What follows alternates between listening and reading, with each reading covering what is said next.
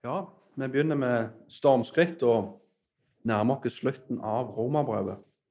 I dag så skal vi ta og se nærmere på Romerne kapittel 15. Romerne kapittel 15 fra vers 8 til 13. Og Jeg er satt som en uh, tittel på talen i dag, som dere ser i heftene deres, hvilken historie er det Gud forteller? Hvilken historie er det Gud forteller? For en del år siden så ble meg og Thomas invitert med på en misjonsreise til utlandet av ei gruppe mennesker inne på Jæren. Og jeg sier utlandet, for det er såpass lenge siden nå at jeg har helt glemt hvilket land vi skulle reise til. Men uh, uansett uh, Vi ble ikke med på denne turen. Uh, og hvorfor vi ikke gjorde det, får bli en historie til en annen gang. Men, men det vi gjorde, det var at vi ble med på en del av de samlingene de hadde i forkant av avreisen. Og På en av de samlingene så kan jeg godt huske at det skulle bli vist en film. og Denne filmen var en, en, en, en liten samling av forskjellige klipp fra filmen 'Titanic'. Med en liten kristen vri på den da. Der hele poenget var at de hadde tatt en del av disse klippene som handla om disse menneskene som prøver å få folk over livbåtene. Og Litt av poenget med dette klippet her, det var det at vi kristne er disse menneskene som skal få folk over fra livbåtene før denne skuta er i ferd med å gå ned. Jeg vet at Ofte så kan det føles ut som vi er om bord i ei skute som, som, er i ferd med å gå ned. Ganske så likt som denne Titanic-båten. For mange så kan eksempelet med Titanic blir veldig beskrivende for den verden vi lever i. Det var 1500 stykk som gikk ned i lag med denne båten, og det var 706 som klarte å berge livet sitt. Med andre ord, flertallet gikk ned med skuta. Men det spørsmålet jeg har lyst til å stille dere i dag, det er det Er det sant at det er en sånn historie Gud holder på å fortelle? Er det en sånn historie Gud holder på å fortelle? Er det den historien vi lever i? Er vi om bord i ei synkende skute der flertallet vil gå fortapt? Har vi blitt gjort til arvinger av ei synkende skute? For mange kristne så vil svaret på disse spørsmålene være ja. Selvfølgelig. Ja. Og de vil kanskje gå til Matteus 7, der vi kan lese den breie veien, den vide port som fører til fortapelsen, og det er mange som går på den. Den smale veien, en liten port som går til himmelen, og det er få som finner den. Og ja, det er en hel del vers i Bibelen som med første øyekast kan vitne ut Kan, kan tilsynelatende se ut som at vi er om bord på ei synkende skute. Vår jobb bør være å bare få med de vi klarer om bord i båtene før dette skipet går ned. Jeg vil komme med en radikal påstand til dere i dag. Og den går som følger. Jesus kom for å frelse verden. Jesus kom for å frelse verden. Gud sendte ikke sin sønn til verden for å fordømme verden, men for at verden skulle bli frelst med ham. Hva er det du prøver å si, Håp? Tror du på universalisme? Det at hvert individ kommer til himmelen? Uansett hva de tror, eller uansett hva de gjør? Nei, det er ikke det jeg sier. Men jeg tror at når Jesus kommer igjen, så vil han ha lagt alle fiender under sine føtter. Han vil komme igjen til en verden som har blitt frelst. Vil det være ugras i hvedåkeren? Ja. Det vil det når han kommer igjen. Men det er fortsatt en hveteåker han kommer igjen til. Herren vil komme igjen til en surdeig som har fått surna hele deigen. Det er den historien Gud er i ferd med å fortelle. Vi er ikke om bord i ei synkende skute. På samme måte som ugudeligheten fikk vokse i verden og spre seg til alle mennesker, som en konsekvens av Adams ulydighet og fall, så skal rettferdigheten i en enda større grad få vokse og spre seg til alle mennesker. som en konsekvens av den andre Adams lydighet og seier. Ser dere den? Når vi ser ut vinduet, så kan hjertet bli fylt med mismodighet. For det er mye som tyder på at denne skuta er i ferd med å synke. Og ja, ugudeligheten, den er stor. Men det er fortsatt en stund igjen før surdeigen har fått surna hele deigen. Og Derfor er vi kalt til å ha tru. Og tru er full tillit til det en håper på, og overbevisning om det en ikke ser. Og ja, vi klarer ikke helt å se den fulle oppfyllelsen av dette ennå. Vi er kalt til å tro på Gud og tro på Hans løfte. Og da kan vi ha håp, og i det kan vi ha fred og glede. Og det er disse løftene og det er dette håpet Paulus vil minne oss om i dag. Han vil minne oss om hvorfor Jesus kom ned til jorda for å tjene. Og han vil minne oss på hvilke konsekvenser Jesu tjeneste har fått og vil få for verden. Og jeg vil bare at vi leser teksten. Romerne 15, fra vers 8. Hør Herrens ord. For jeg sier at Jesus Kristus er blitt en tjener for de omskårne, for Guds sannhets skyld, slik at de løftene som ble gitt til fedrene, kunne bli stadfestet, og slik at hedningene kunne ære Gud for hans miskunn, slik det står skrevet. Derfor vil jeg bekjenne deg blant hedningene og lovsynge ditt navn. Og det står også, gled dere hedningene sammen med hans folk. Og det står også, lov Herren, alle dere hedninger, pris ham, alle dere folk. Og Jesaja sier også, Isaias rotskudd skal komme, og han, eh, og han som skal stå fram Unnskyld. Isaias rotskudd skal komme, og han som skal stå fram for å herske over hedningene. På ham skal hedningene håpe.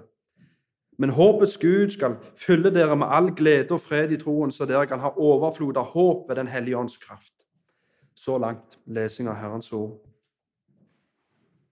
Det er disse løftene og det er dette håpet Paulus vil minne oss om i dag. Han vil minne oss om hvorfor Jesus kom ned til jorda for å tjene. Og han vil minne oss på hvilke konsekvenser Jesu tjeneste har fått og vil få for verden. Jesus kom til jorda ikke først og fremst for å bli tjent, men for å tjene. Og Paulus begynner teksten med før oss i dag med å gi oss to konsekvenser av den tjenesten. Den første konsekvensen av Jesu tjeneste var at jødene ble vist at Gud taler sant.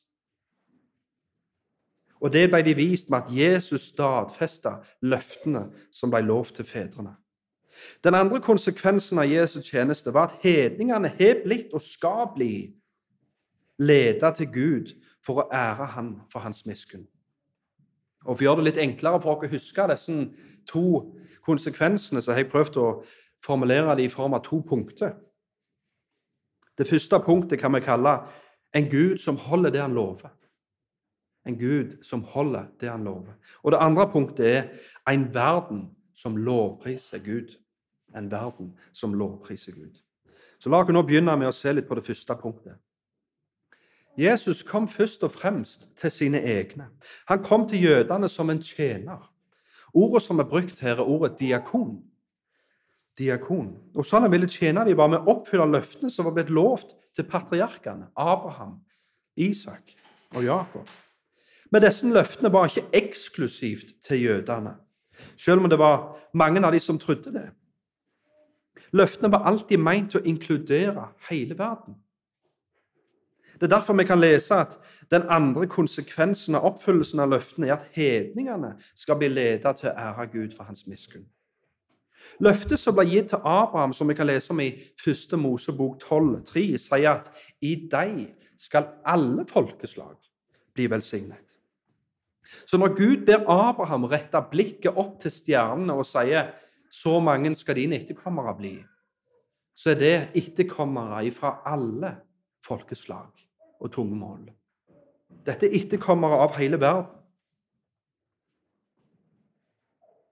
Alle som har Abrahams tru, er Abrahams barn. Dersom dere tilhører Kristus, er dere Abrahams ett arvinger ifølge løftet, som jeg kan lese i Galaterne 3,29. Så det er gjennom tru at mennesker fra hele verden blir sanne barn av Abraham. Men Abraham ble ikke bare lovt en talløs skare av etterkommere. For vi kan òg lese i 1. Mosebok 15, vers 18-19, at Gud oppretta en pakt med Abraham, og i den pakten så lovte Gud Abraham og hans etterkommere at de skulle få et land. De skulle få et land. Men, men på samme måte som med det andre løftet, så var dette løftet heller aldri meint å ekskludere resten av verden. For dette lille landet Israel var bare en førstegrøde av hele verden. På samme måte som et lite lam skulle være et bilde på Guds lam som bærer verdens synd, så skulle dette lille landet Israel bare være et bilde på en og en forsmak, om du vil, på hele verden som skulle bli gitt til Abraham og hans etterkommere. Det er derfor vi kan lese at Paulus, når han siterer nettopp dette løftet i Romerne 4,13, så skriver han det var ikke ved loven løftet om å bli arvinger til verden ble gitt til Abraham eller etten hans, men med troens rettferdighet. Så når Paulus siterer dette løftet som ble gitt til Abraham, så bytter han ut ordet 'landet' med 'verden'. For han forsto at selv om Jesus først og fremst kom for å til sine egne for å være en tjener for jødene, så var alltid planen ikke bare å frelse jødene, men å frelse verden. Og planen var ikke bare å gi dem et land, men å gi dem hele verden. I Salme 37, ei salme som beskriver Israels arv og de ondes ulykke, så kan vi lese i vers 11 at det står de ydmyke skal arve landet. De ydmyke skal arve landet. Men når sønnen av David står fram, Jesus, og han har sin berømte bergpreken framfor jødene, og han òg forkynner om et lignende tema, jødenes arv og de ondes ulykke, så siterer Jesus fra Salme 37, vers 11. Og, Det kan vi lese om i Matteus 5,5. Og hva er det der står der? Salig er de ydmyke, for de skal arve jorda. Ser dere det? Så igjen, landeløftene var alltid meint å være en forsmak på hele verden. Skikkelsen er alltid mye herligere enn skyggen. De trodde de skulle få et land, men planen var alltid å gi dem verden. Men vi må spørre oss sjøl hva har dette med enhet å gjøre? Og det å tjene hverandre som er det som har vært tema så langt i kapittel 14 og fram til nå i kapittel 15. Hvordan kan en bedre forståelse av oppfyllelsen av løftene som ble gitt til fedrene, bidra til at vi får en større enhet iblant dere? Hvordan kan det være en hjelp til å ta imot hverandre og en, gi oss et større ønske til å tjene hverandre? Jo, for vi, som vi har hørt tidligere, så har vi kristne en veldig tendens til å lage grupperinger blant hverandre. Vi lager grupperinger på grunnlag av hva mat vi spiser eller ikke spiser. Vi lager grupperinger på grunnlag av hvordan vi ser på dagene, eller hva vi drikker. De sterke ser ned på de svake, de svake dømmer de sterke. Og vi vet òg at jødene så ned på hedningene, til og med i den kristne forsamling. På et tidspunkt så måtte til og med Paulus offentlig irettesette Peter Pga. Peter ville ikke sitte til bords med hedningekristne hvis det var jøder som var tilskuere til det. Og Vi kan lese om lignende problemer i Korint. Det hadde oppstått grupperinger blant de kristne på grunnlag av hvilken lærer de holdt mest av. Noen holdt av Paulus, andre Kefas, andre Apollos. Og når Paulus adresserer dette problemet, og legg merke til hvordan han gjør det så formaner han dem i lys av at Jesus har oppfylt løftene til fedrene. Han minner dem på hva konsekvensen av Jesu tjeneste er. Akkurat det samme som Paulus nå gjør i teksten vår i Romerne. Ta et eksempel. Hvordan kan dere si 'Han er min lærer', 'Han er deres lærer', eller 'Dette er mitt land, dette er mitt område, dette er deres'? Hvordan kan dere si sånn når Jesus har blitt gitt alt? Og derfor er alle ting blitt gitt til dere. Og bare noter dette. 1. Korinterne 3,21. 3,21. Og hør hvordan Paulus formaner dem i lys av disse grupperingene de hadde lagd.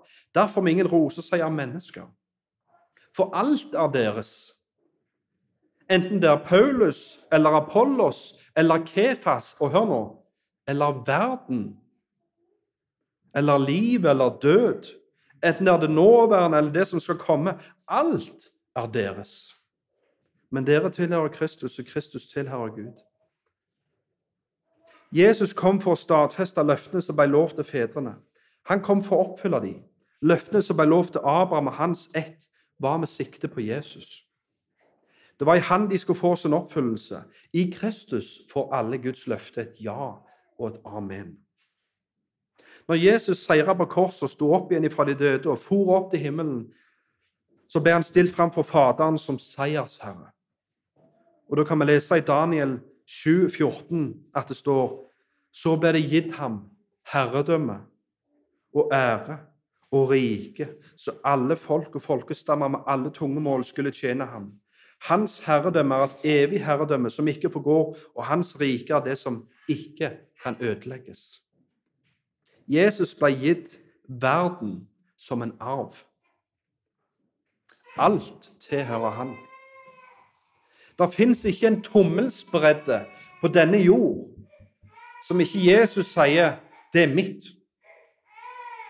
Det fins ikke en tommelbredde på denne jord som ikke tilhører Kristus. Alt har blitt gitt til ham. Og han har delt denne arven med oss. Han har delt denne arven med oss. Selv om han først og fremst kom til sitt eget folk jødene, og de ble tilbudt frelsen først, så var alltid planen at denne invitasjonen skulle nå ut til hele verden.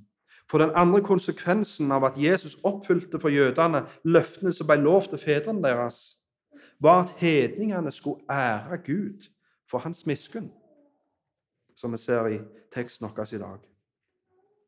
Og det er ingen ny lære. Dette var alltid Guds plan. Det var ikke noe som var skjult i Det gamle testamentet, men som først nå i det nye blir åpenbart av Paulus. Guds plan fra begynnelsen var å frelse verden. Og Det er det Paulus nå går videre for å vise oss. Og det tar oss til det siste punktet en verden som lovpriser Gud. Paulus kommer her med fire sitat fra Gamle testamentet. Og Han begynner med et sitat fra 2. Samuel 22, 50. Og Det er fra når David lå på dødsleiet sitt. Siste del av vers 9 i teksten vår så leser vi Derfor vil jeg bekjenne deg blant hedningene og lovsynge ditt navn. David eh, forsto at selv om Gud hadde utvalgt seg et folk i Israel, så var det aldri meint til å stoppe der. Og Derfor var hans bønn at han kunne få være en av de som fikk forkynne budskapet til hedningene. Men mer, verden var meint til å være mer enn tilskuere til Davids og Israels lovprisning av Gud. Guds plan var at de skulle bli med i sangen. Og Derfor så siterer han videre fra 5. Mosebok 32, 43 og Salme 117, vers 1, og der står det Gled dere hedninger sammen med hans folk. Og i Salme 117.: Lov Herren, alle dere hedninger. Pris ham, alle dere folk. Verden blir her invitert til å bli med på salmesynging. Og vi har blitt en av dem. Vi har blitt en av dem. De blir invitert til å prise Gud i sammen med hans folk. Men spørsmålet vi kanskje kan stille oss da, er ja, men de fleste i tida vi lever i nå, har sagt nei til denne invitasjonen. Så hvor er det optimismen din kom ifra, Er du bare naiv og godtruende?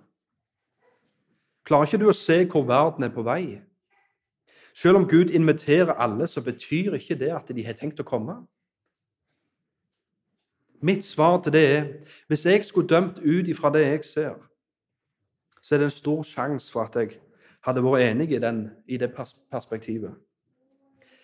Men jeg prøver ikke å dømme ut ifra det jeg ser. Min optimisme strømmer ut ifra det jeg tror,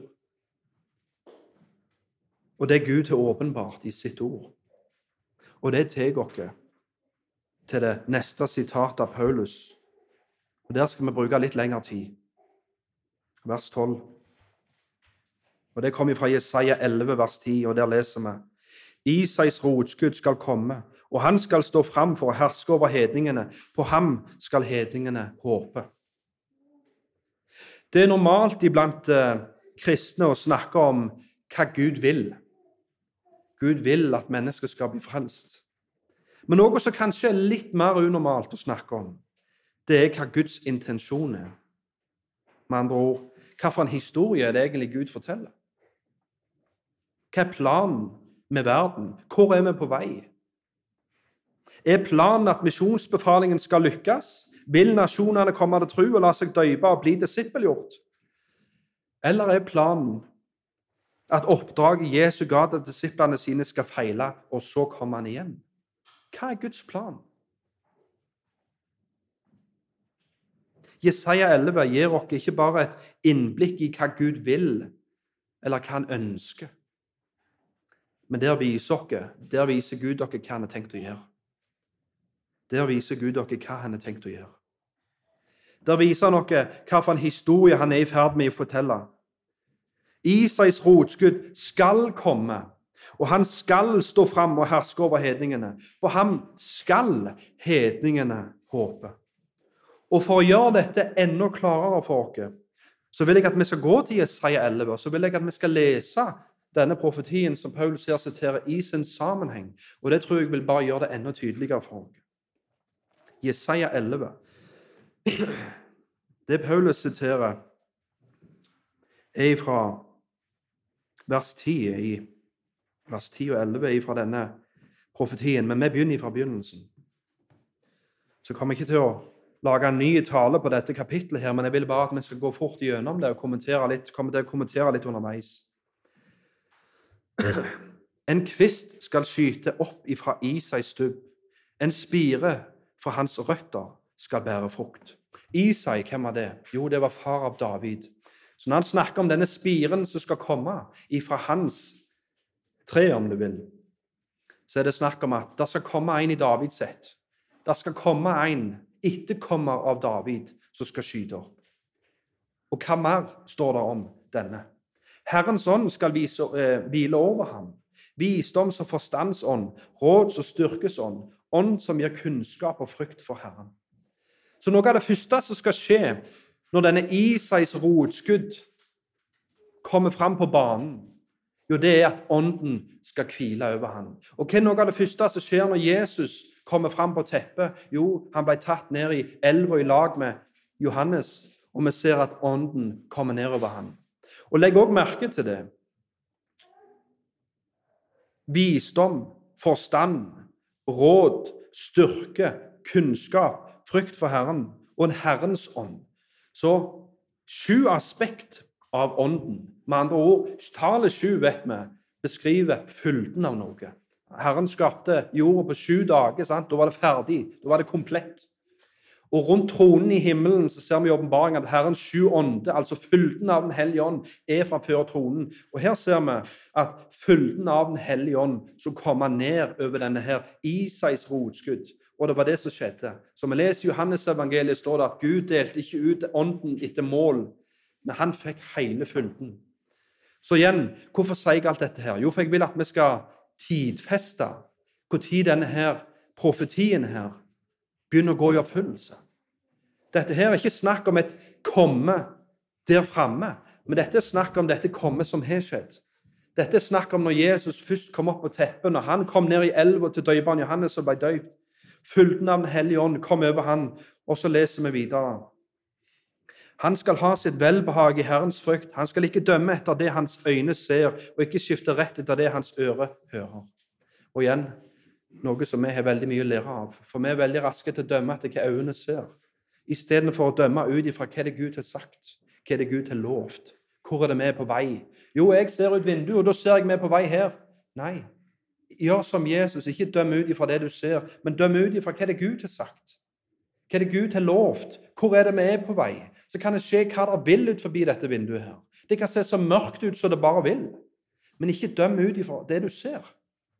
Han skal ha sitt velbehag i Herrens frykt. Han skal ikke dømme etter det han ser, hans øyne ser, og ikke skifte rett etter det hans ører hører. Men med rettferdighet skal han dømme de hjelpeløse, og uten å gjøre forskjell skal han skifte rett for de saktmodige på jorden. Han skal slå jorden med sin munns stav, med sine leppers ånde skal han drepe den ugudelige. Og hva er det vi leser i Johannes 5? der leser vi Faderen dømmer ingen, men han er overlatt hele dommen til Sønnen. Sant? Og når Jesus satte seg med Faderens høyre hånd, så leser vi i åpenbaringen helt i begynnelsen av sendebrevet der Jesus, han som sitter på tronen og regjerer med jernstav. Der sitter han og regjerer med jernstav og utøver dom. Dommen begynner først og fremst med Guds hus, men dommen òg brer seg videre ut til resten av verden. Det er derfor vi leser i Roman 1 der det står at Guds vrede blir åpenbart over hele verden, over all ugudelighet og all urettferdighet, de som holder sannheten nede i urettferdighet. Og hvem er det som utfører den dommen? Hvem, en vrede er det som, Hvor kommer denne vreden ifra? Jo, det kommer ifra lam. Lammets vrede. Jesus som holder dom over mennesket. Videre Rettferdighet skal være beltet han har rundt livet, og trofasthet beltet han har rundt hoftene. Og hør nå Og her begynner det nok å bli litt vanskelig for folk.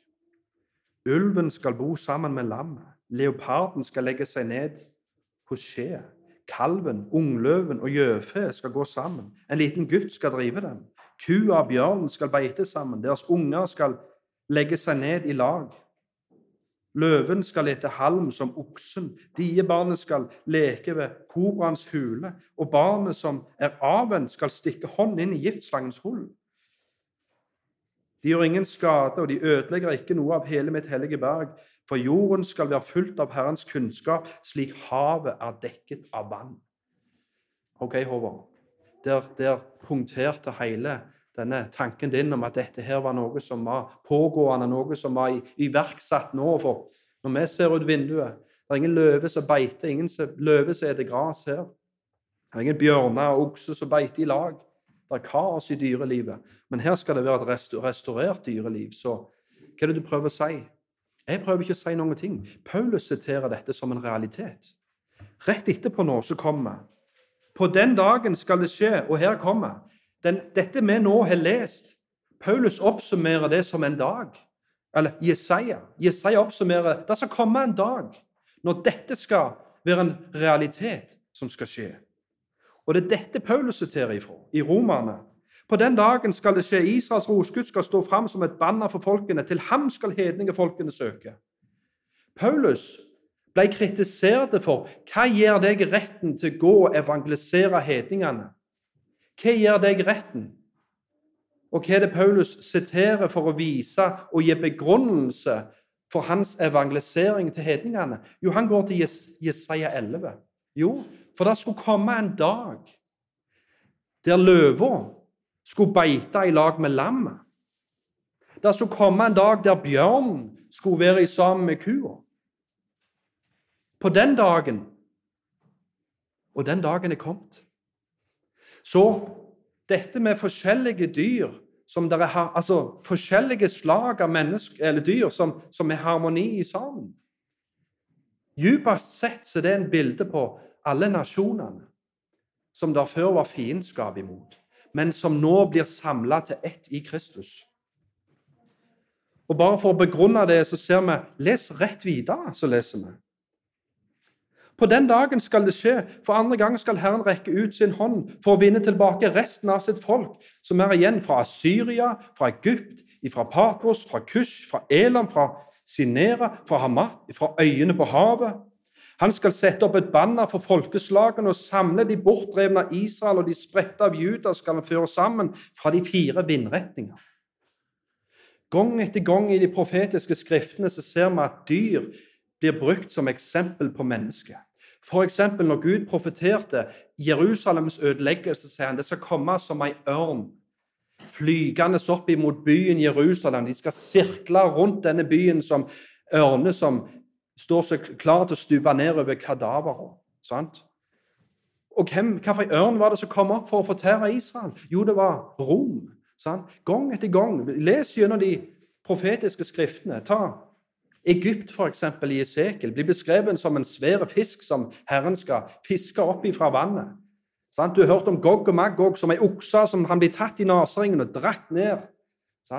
Gang etter gang så ser vi at dyr og fiendskap mellom dyr er et synonym og en parallell til nasjoner og folkeslag det er fiendskap imot. Men, og her kommer det et stort men Selv om, det, selv om jeg tror at det er den virkelige oppfyllelsen av disse her dyre versene som vi leser her, så utelukker jeg fortsatt ikke at når vi får se en surdeig som er ferdig surna, at vi skal få se ikke bare nasjoner der er fred iblant, men jeg tror òg vi skal få se fred i dyrelivet, som det står beskrevet her. Men det er viktig å ha begge disse to tankene i hodet samtidig. Så igjen, jeg vil bare repetere de gjør ingen skade, de ødelegger ikke noe av hele mitt hellige berg. For jorden skal være full av Herrens kunnskapsliv. Havet er dekket av vann. Og mitt spørsmål til dere da er hvor mye av havet er det som er dekket av vann? Alt. Alt. Ja, men det er ikke realiteten nå, Håvard. Nei. Men Jesaja 11 beskriver for oss hva konsekvensen av at det begynte med en liten kvist som skjøt opp fra Isais rotskudd. Og hvilke konsekvenser vil det få? Jo, kunnskapen om Herrens herlighet skal dekke jorda sånn som havet dekker vann. Er vi der ennå? Nei. Er det der vi er på vei? Ja. Er det det som er historien Gud holder på å fortelle? Ja. Isais rotskudd skal stå fram som et banner for folkene. Hva betyr det? Israels rotskudd skal stå fram som et banner. Det navnet der står på banneret som du har over deg, forteller hvem du tilhører. Ser du den? Det er derfor vi òg leser videre. Han skal sette opp et banner for folkeslagene. Og samle de bortdrevne av Israel og de spredte av Juda skal han føre sammen fra de fire vindretninger. Alle folkeslag skal få et nytt banner. Og på det banneret skal det stå 'Jesus er Herre'. Han er kongenes konge. Og Jesaja 11 beskriver ikke bare hva Herren vil. Han håper at han får dette til, men dette beskriver hva som er planen. Dette beskriver hva historie Gud holder på å fortelle. Det er lett å kritisere pessimismen til de som har gått før oss. Når disiplene sto ut forbi den tomme grava og var fylt med mismodighet, så er det lett for oss å si ja, men hvis dere bare hadde stolt på Guds løfte i Skriftene, så hadde dere visst at den tomme grava betydde seier. Jesus var stått opp igjen. Eller hva med jødene som sto med grensa av det lovede land? De skua utover et land fullt med kjemper og fiender.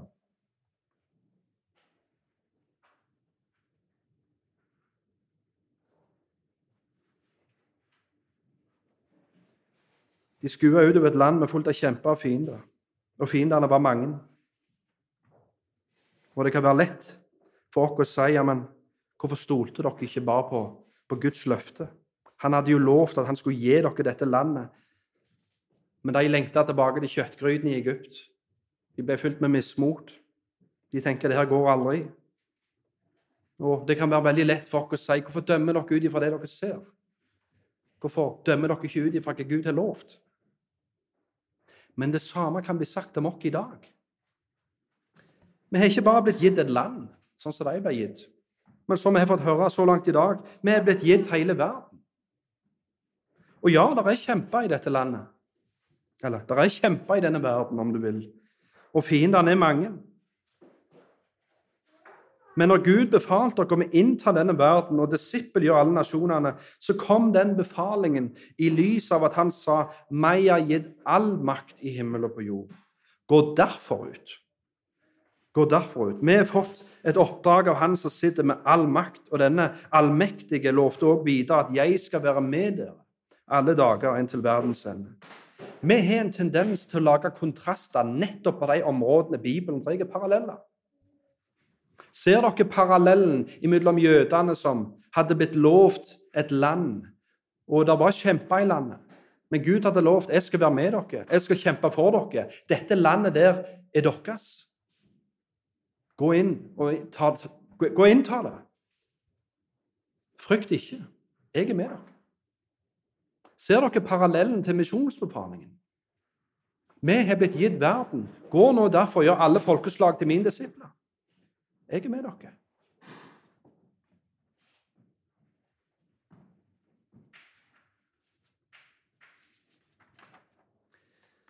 Jesus sitter nå med Guds høyre hånd. Og ifølge Salme 110, som er det verset i Gamle testamentet, eller den salmen som oftest blir sitert i det nye, så skal han sitte der til alle hans fiender har blitt lagt som en skammel for hans føde. Og nesten hver gang verdens ende er tema i Det nye testamentet, så blir denne salmen sitert. Salme 110. Sett deg med min høyre hånd til jeg legger alle dine fiender som en skammel for dine føtter. Så hvis ikke denne salmen er en hjørnestein i ditt endetidssyn, så er det noe galt. For denne salmen er en hjørnestein i den historien Gud holder på å fortelle. Ellers at han aldri sitert han hele veien når han snakker om hva som ligger føre. Peter på pinsedag. Hva er det nå som skjer? Vi har drept han. Vi korsfester han jo. Vi har blod på hendene. Ja, omvend dere, la dere døype, for han har nå satt seg på Guds høyre hånd, og der skal han sitte til alle fiender blir lagt som en fotskammel under hans føtter. Og så kommer han igjen. Eh, Paulus, den tydeligste evangeliepresentasjonen vi har i hele Bibelen, 1. Korinterne 15, begynner han først å snakke om Jesu død oppstandelse ifølge Skriftene. Men så går han videre og snur på mynten og forteller om rikets evangelium. Det er no, de gode nyhetene om at Jesus nå er kongenes konge. Og spørsmålet er hvordan er det det herredømmet, hvordan er det det kongeriket skal se ut? Jo, han siterer Salme 110. Han skal sitte, og han sitter, med Faderens høyre hånd. Og der skal han sitte til alle hans fiender har blitt lagt som en fotskammel under hans føtter. Og så kommer han igjen. Men hva er det vi tror i dag? Når vi ser ut vinduet, så forteller vi til hverandre ja, det skal bare bli verre. Nå, nå, nå, blir det bare verre, nå blir det bare verre. Og så kommer Jesus igjen. Men det er ikke historien til Bibelen. Alle fiender skåner fotskammelen til Jesus, og så kommer han igjen som seiersherre.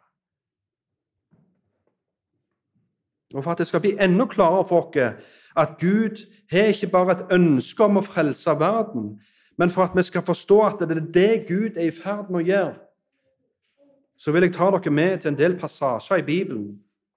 Jeg vil Vi skal begynne med Salme 22.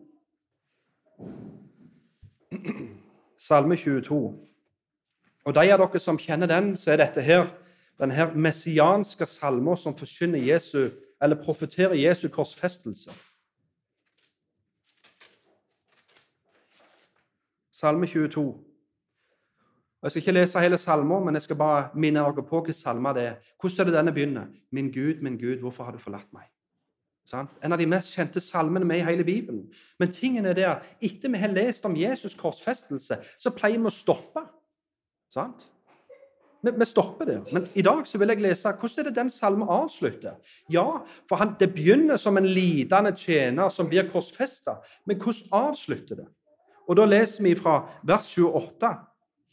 Alle verdens ender skal minnes dette og venne seg til Herren. Fikk dere med dere det? Alle verdens ender skal minnes dette. Hva da? Jesu døde oppstandelse, som han nettopp er forklart. Og alle folkeslagene stammer skal tilbe framfor deg. For riket tilhører Herren, og han hersker over folkene. Alle de mektige på jorden skal ete og tilbe. Alle som farer ned til støvet, skal bøye kne for ham. Ser dere det? Det begynner med Jesu korsfestelse, og etterpå får vi høre hva konsekvensene skal bli av Jesu døde oppstandelse. Og der, der, der har det gått galt for oss. I altfor mange år har det gått galt der. For vi driver og forkynner til hverandre at konsekvensen av Jesu døde oppstandelse skal være det at det vil bli verre og verre og verre, og monn om det er en kristen igjen når han kommer. Ja, for en kraft det er i korset. He? Men det er ikke det budskapet, og det er ikke den historien Gud holder på å fortelle. Jeg vil fortsette litt. Vi kjenner salmene to. Folkestammene. sant? De raser og sier 'Vi vil ikke ha han til konge'. Vi river tauna vekk. Vi, vi vil løsrive oss. Hva er det Faderen gjør i himmelen? Han sitter og ler av dem. Hvorfor? Jo, for han har innsatt sin konge på Sion. Og Salme 2 blir sitert i sin helhet gjennom apostelens gjerninger, som ei salme som har gått i oppfyllelse med Jesu første komme. Og med hans oppstandelse og det at han har satt seg på tronen nå i himmelen.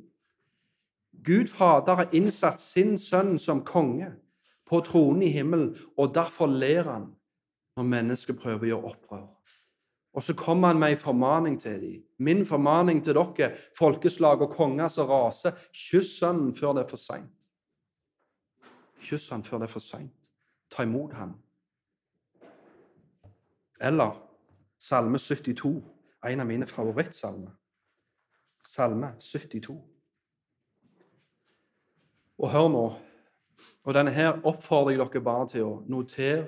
Les den når dere kommer hjem én gang, to ganger og tre ganger, og spør dere sjøl tror dere på det som står i denne salmen. her. Gud overdra dine dommer til kongen og din rettferdighet til kongens sønn. Hører dere det? Husker dere hva jeg sa der står i Johannes 5? Faderen ga dommen over til sønnen. Så dette det står profetert om, var det som skjedde med Jesu første komme. At Faderen overga nå dommen. Myndigheten til å holde dom ble nå gitt til Sønnen. Gud, overdra dine dommer til kongen og din rettferdighet til kongens sønn. Han skal dømme ditt folk med rettferdighet og dine elendige med rett. Fjellene skal bringe folket fred, og høydene skal bringe det ved rettferdighet. Han skal frikjenne den elendige i folket. Han skal frelse den fattiges barn. Han skal knuse undertrykkeren. De skal frykte deg så lenge solen skinner og månen lyser gjennom alle slekters gang. Han skal komme ned som regn på gresset før det blir slått, som kraftige regnskuer som vanner jorden. Og hør nå I hans dager skal den rettferdige blomstre, og det skal være rik fred, helt til månen ikke er der lenger. Og han skal herske fra hav til hav og fra elven til jordens ende.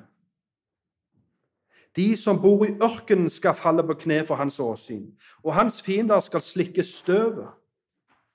Kongen i Tarsis og på øyene skal komme med skatt. Kongen i Saba og Seba skal tilby gaver. Ja, alle kongene skal falle ned for ham. Alle folkeslag skal tjene ham. For han skal utfri den fattige når han roper, og den elendige og den som ingen hjelper har. Han skal ha medynk med den hjelpeløse og den fattige. Han skal frelse de fattiges sjel. Han skal forløse deres sjel fra undertrykkelse og vold. Deres blod skal være dyrebart i hans øyne. Og han skal leve. Sabas gull skal gis ham. Og for ham skal alltid stige opp bønner, og hver dag skal han lovprises. Les gjerne resten hjemme. Men det er ikke en eneste fiende som blir unnlatt her. De som bor på øyene, kongene, folkeslagene, stammene Alle skal bøye seg for han. Sønnen. Sant? Zakaria 9,10. Hans herredømme skal nå ifra hav til hav og ifra elven til jordens ende. Habakuk 2,14.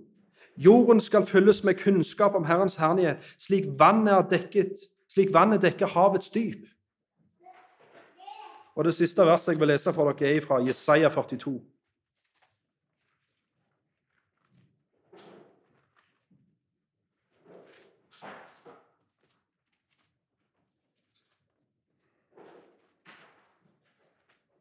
Jesaja 42.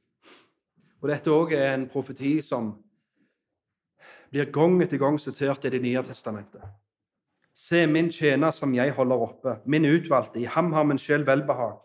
Jeg har lagt min ånd på ham. Ser du det? Det begynner akkurat liksom som Jesaja 11. Det begynner med min tjener som dukker opp på matta. Han blir fulgt med Den hellige ånd. Og videre. Jeg har lagt min ånd på ham. Han skal føre retten ut til hedningefolkene. Han skal ikke skrike og ikke rope.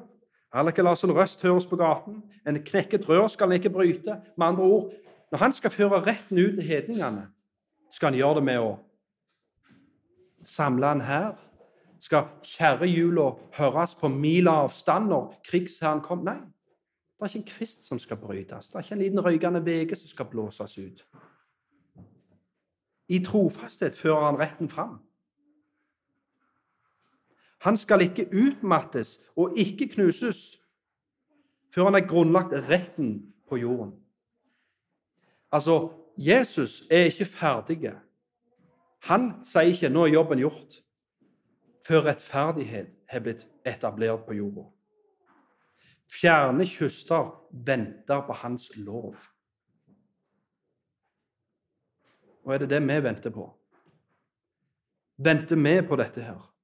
Venter vi på at Guds lov skal bli stadfesta på jorda, rettferdighet skal nå ut, og at verden skal under fotskammelen til kongenes konge? Men det her det ofte gått feil for oss. Der det ofte har gått feil for oss, er at vi tenker at dette skal skje i et nu, på en dag. Det skal komme og lande som et fly. Pang, der var det. Men hva er det Gud har sagt? Hvordan er det dette riket skal manifestere seg? Jo, hans rike kan sammenlignes med et sennepsfrø som vokser seg til å bli det største treet i hagen. Eller som en surdeig som ender med å syrne hele deigen. Som andre ord gradvis over tid. Sant? Gradvis over tid. Det begynte med tolv disipler. Og i dag, 2000 år senere, så er kristendommen den største religionen i verden. Og denne boka her er den mest solgte boka av alle bøker. Og allikevel sier vi det at å nei, det har aldri vært så galt som nå. Jo, det har det. Det har aldri vært så godt som nå. Vi har aldri fått sett Guds rike i sånn en blomst som det er nå. Men pga. vi bor i en kultur som alltid skal sette dårlige nyheter framfor deg 24 timer i døgnet sant? Dette er noe nytt som de har begynt med i vår levetid. Vi skal få indoktrinert nyheter, ikke bare fra de bygd, hva som skjer og rører seg der, men du skal få høre 24 timer i døgnet de dårlige nyhetene som foregår over hele verden. Er det løye vi tenker at det aldri har vært så gale som nå? Men det er det. Det har aldri vært så godt som nå. Alt handler om perspektiv. Selv om dette sennepsfrøet ennå ikke vokser seg til å bli det største treet i hagen, så har det jammen meg vokst langt. Det har jammen meg vokst langt. I synet til Esekiel, helt i slutten av Esekiel, så kan vi lese han for et syn om et tempel som et bilde på menigheten. Og Da får han se at det strømmer en bekk over terskelen på tempelet. Og denne renner ut for å gi liv til nasjonene. Det er livets vann som renner ut fra dette tempelet. Først går bekken til anklene. Så går bekken opp til hoftene. Og til slutt så strømmer det så mye at Esekiel er nødt til å summe i det eller så drukner han. Jesus siterer ifra det synet til Esekiel i Johannes 7, 38. Og da sier han 'Den som tror på meg, som Skriften sier' Så han siterer tilbake til Skriften. Som Skriften sier, ut ifra hans indre skal det strømme bekker av levende vann. Så når Jesus skal gi en kommentar til dette tempelet og denne bekken med levende vann som renner ut ifra dette tempelet, så sier han ut ifra deres indre skal det strømme bekker av levende vann. Og Dette levende vannet var en profeti om Den hellige ånd som skulle bli gitt til enhver den som tror på ham. Og dette levende vannet skal renne ut og gi liv til alle nasjoner. Men det strømmer først til anklene. Og så strømmer det til hoftene. Og til slutt så blir verden nødt til å summe i det. For det skal ende med at kunnskapen om Herren skal dekke jorda, sånn som havet dekker med vann. Og Da må vi finne fram badebuksene, folk.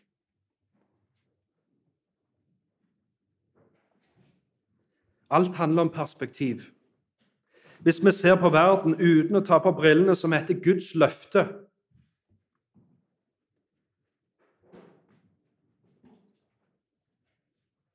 Så kan jeg godt forstå hvorfor Kristne ser mørkt på framtida. Men gjennom løftets linse så vil du se at det er håp. Du kan ha grunn til å glede deg, og du kan ha fred.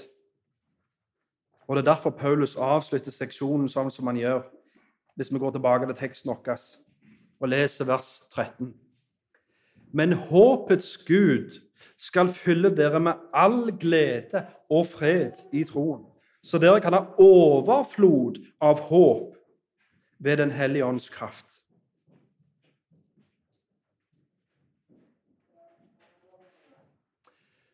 Men hva gjør vi da med sånne vers som tilsynelatende ser ut til å si det motsatte av det vi har fått høre i dag? Vers som sier at det er en brei vei som fører til fortapelsen, og det er få som finner den. Det er en smal vei som fører til himmelen, og det er mange som går på den. Jo, vi må lese det i sin sammenheng. Og det er det jeg vil vi skal se raskt på nå, helt til slutt. Så lenge det er jeg begynt. Jeg heiv den ut til å begynne med så tipper jeg mange av dere kanskje lurer på hva gjør du med den. Så jeg vil vi skal se litt på den i sin sammenheng. Jeg kommer ikke til å lese kapittelet. Jeg tror mange av dere kjenner det som står her. Jesus sier 'brei den vei og vid den port', som fører til fortapelse. Er mange som går inn gjennom den. Vi leser kapittel 7, vers 13. For trang den port og smal den vei som fører til livet, og det er få som finner den.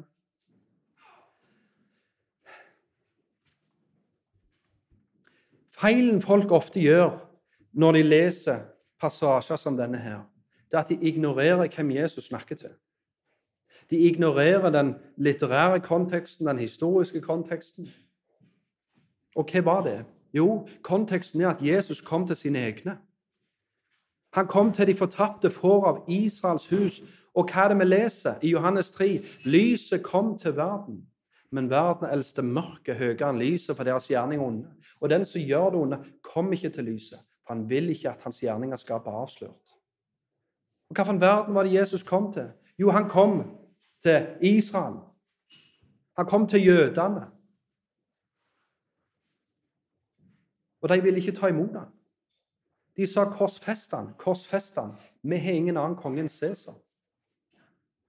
Så på den tida så var det en brei vei som ledet til fortapelsen av jødefolket. Og det var et fåtall av jøder på den tida som gikk på den smale vei. Jesus sa, 'Jeg kom til de som var syke.' Men dere sier dere er friske. Dere sier dere ser. Dere trenger en lege. Og For å gjøre det enda tydeligere for dere, så vil jeg at dere skal hive et øye i Matteus 8. Rett etterpå, når han er ferdig, begynner å avrunde litt denne talen med med Du finner ikke fiken på en tornebusk. og Ikke alle som sier til meg 'Herre, Herre', skal komme inn i himmelens rike, men den som gjør min himmelske fars vilje. Han går videre. To husbyggere. Og så ser vi videre. Så kommer det en hedning riende til Jesus. En soldat og sier, 'Du, jeg har en sønn.' Og han er sjuk. En bare dobbeltskikka. Var det en sønn? Høvedsmannen svarte og sa, 'Herre, jeg er ikke eh, verdig til at du kommer inn under mitt tak.' Men bare si et ord, så vil tjeneren min bli helbredet. Det var en tjener. For jeg er også en mann under myndighet og har soldater under meg, og jeg sier til en gå, og han går, og til en annen kom, og han kommer, og til tjeneren min gjør dette, og han gjør det. Da Jesus hørte det, undret han seg og sa til dem som fulgte etter, sannelig sier jeg dere, ikke engang i Israel har jeg funnet en så stor tro. Og hør nå, og jeg sier dere at mange skal komme Hør nå, nå er det plutselig mange og jeg sier det at mange skal komme fra øst og vest og sitte til bord med Abraham, Isak og Jakob. Nettopp det vi har lest om i Romeren i dag. At Jesus fikk vise at Gud taler sant med å oppfylle løftene som ble lov til jødene, som ble lov til patriarkene Abraham, Isak og Jakob. Men i denne tid, der Jesus var, når Jesus forsynte til jødene, så var det et fåtall av de som ville ta imot. Og Jeg sier det at mange skal komme fra øst og vest. Konsekvensen av oppfyllelsen av disse løftene skal føre til at hele verden skal komme og sette seg til bords. Om det var et fåtall av jødene i den generasjonen som ville ta imot, så skal det likevel føre til en verden som skal komme og sette seg til bords med Abraham, Isak og Jakob i himmelens rike. Men det er ikke slutten for jødene heller det at det vil alltid være en smal vei for deg, og det vil alltid være en brei vei for folk i Israel. Nei, Hva er det vi har fått høre fra Roman 11? Israel skal bli frelst, sier Paulus. Så det kommer en dag for dem òg. Og den dagen de blir reist opp ifra de døde, så skal det være som liv ifra de døde for hele verden. Så igjen, hvilken historie er det du tror Gud forteller? Gjør du som Jesus og ikke stoler på det du ser, men å stole på det Gud har sagt?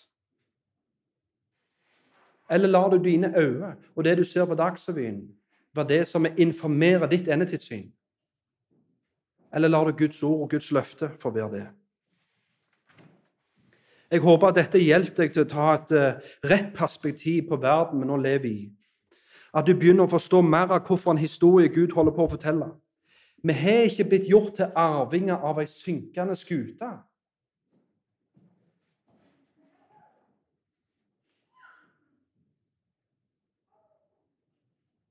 Og planen Planen er ikke bare å få en liten håndfull over i livbåtene før denne skuta går ned. Men denne skuta skal ende med å bli herliggjort, lytre gjennom ild. Og menneskene om bord skal, skal, i en overveldende grad bli vunnet for Kristus, som vi har fått høre i dag. Det vil ta tid. Det er en stor sjanse for at vi som lever nå, en dag vil bli beskrevet som folk som levde i den tidlige kirkehistorien. Ja, vi har kjempa i landet, men vi har en som er større vårt slag. Når israelsfolket så Goliat, så tenkte de han er altfor stor, vi kommer aldri til å vinne. Men når David så Goliat, så sa han jo større blinken er, jo vanskeligere er det å bomme. Du bommer ikke på en låvedør. Alt det med perspektiv å gjøre. Ser dere den? Størrelsen og mengde fiender bør aldri være en unnskyldning til å ikke evangelisere. Vi er kalt å være menneskefiskere, og hvis det er et problem at det er for mye fisk, så vet ikke jeg. Det er absurd. Det blir som at jeg skulle spørre hvorfor går du ikke ut på jakt? Og svaret jeg får, jeg kan jo ikke det, det er jo gjort overalt. Det gir ikke mening. Like lite mening gir det når vi lager blir mismodige av at vi er omringt av folk som er vantro. Ja, så hiv ut garnet. Aldri hatt det lettere enn det du har det nå. Og helt til slutt så vil jeg bare ja, Alle lar mengden med ugudelig og vantro rundt deg bli en unnskyldning for at du ikke hiver ut garnet, men se på det som en gyllen anledning. Og nå, helt til slutt, så vil jeg fortelle en historie. Eh, I Koreakrigen eh, så hørte jeg en gang en historie om en eh, amerikansk kommandant som hadde med seg en liten tropp. Eh, han hadde beleira seg ned i et lite søkk og så fort det at eh, han hadde blitt omringt med troppen sin. Eh, de koreanske soldatene de var, de var tallrike. Og Soldatene til denne kommandanten tenkte det at nå er det ute med oss. La oss bare vifte det hvite flagget. Nå er det over. Dette går ikke. De er for mange, vi er for få. Men vet du hva kommandanten sa for å oppmuntre sine soldater? Han sa det. Ser dere dette? Vi er omringa, og nå har de ingen vei å gå. Ser dere den? Alt handler om perspektiv. Hvis du omringer, ja, men da treffer du uansett hvor du skyter. Ser du den? Og hvis vi føler det at ja, men Håvard, hvordan kan du ha den optimismen? Hvordan kan du ha dette håpet? Der? Det er jo så mange vantro. Vi er jo et mindretall. Ja, men Det betyr at du kan hive ut garnet ditt hvor du vil og få en fisk. Sant? Alt handler om perspektiv. Ikke tenk at når Gud sendte dere ut for å føre menneskefiskere, så er planen, så er bildet vi får ofte det at da er vi en liten fluefisker nede i elva på Bjerkreim. Nei, tenk heller at vi skal være en trålebåt. Tråle hele havbunnen. Sant? Jesus kom for å frelse verden. Og en dag så vil verden, sitt under ett, være frelst. Og det er det Gud det er det som historien Gud holder på å fortelle. Og hvis ikke det gir deg håp, hvis ikke det gir deg glede, så vet ikke jeg. Det er den historien Gud holder på å fortelle. Amen.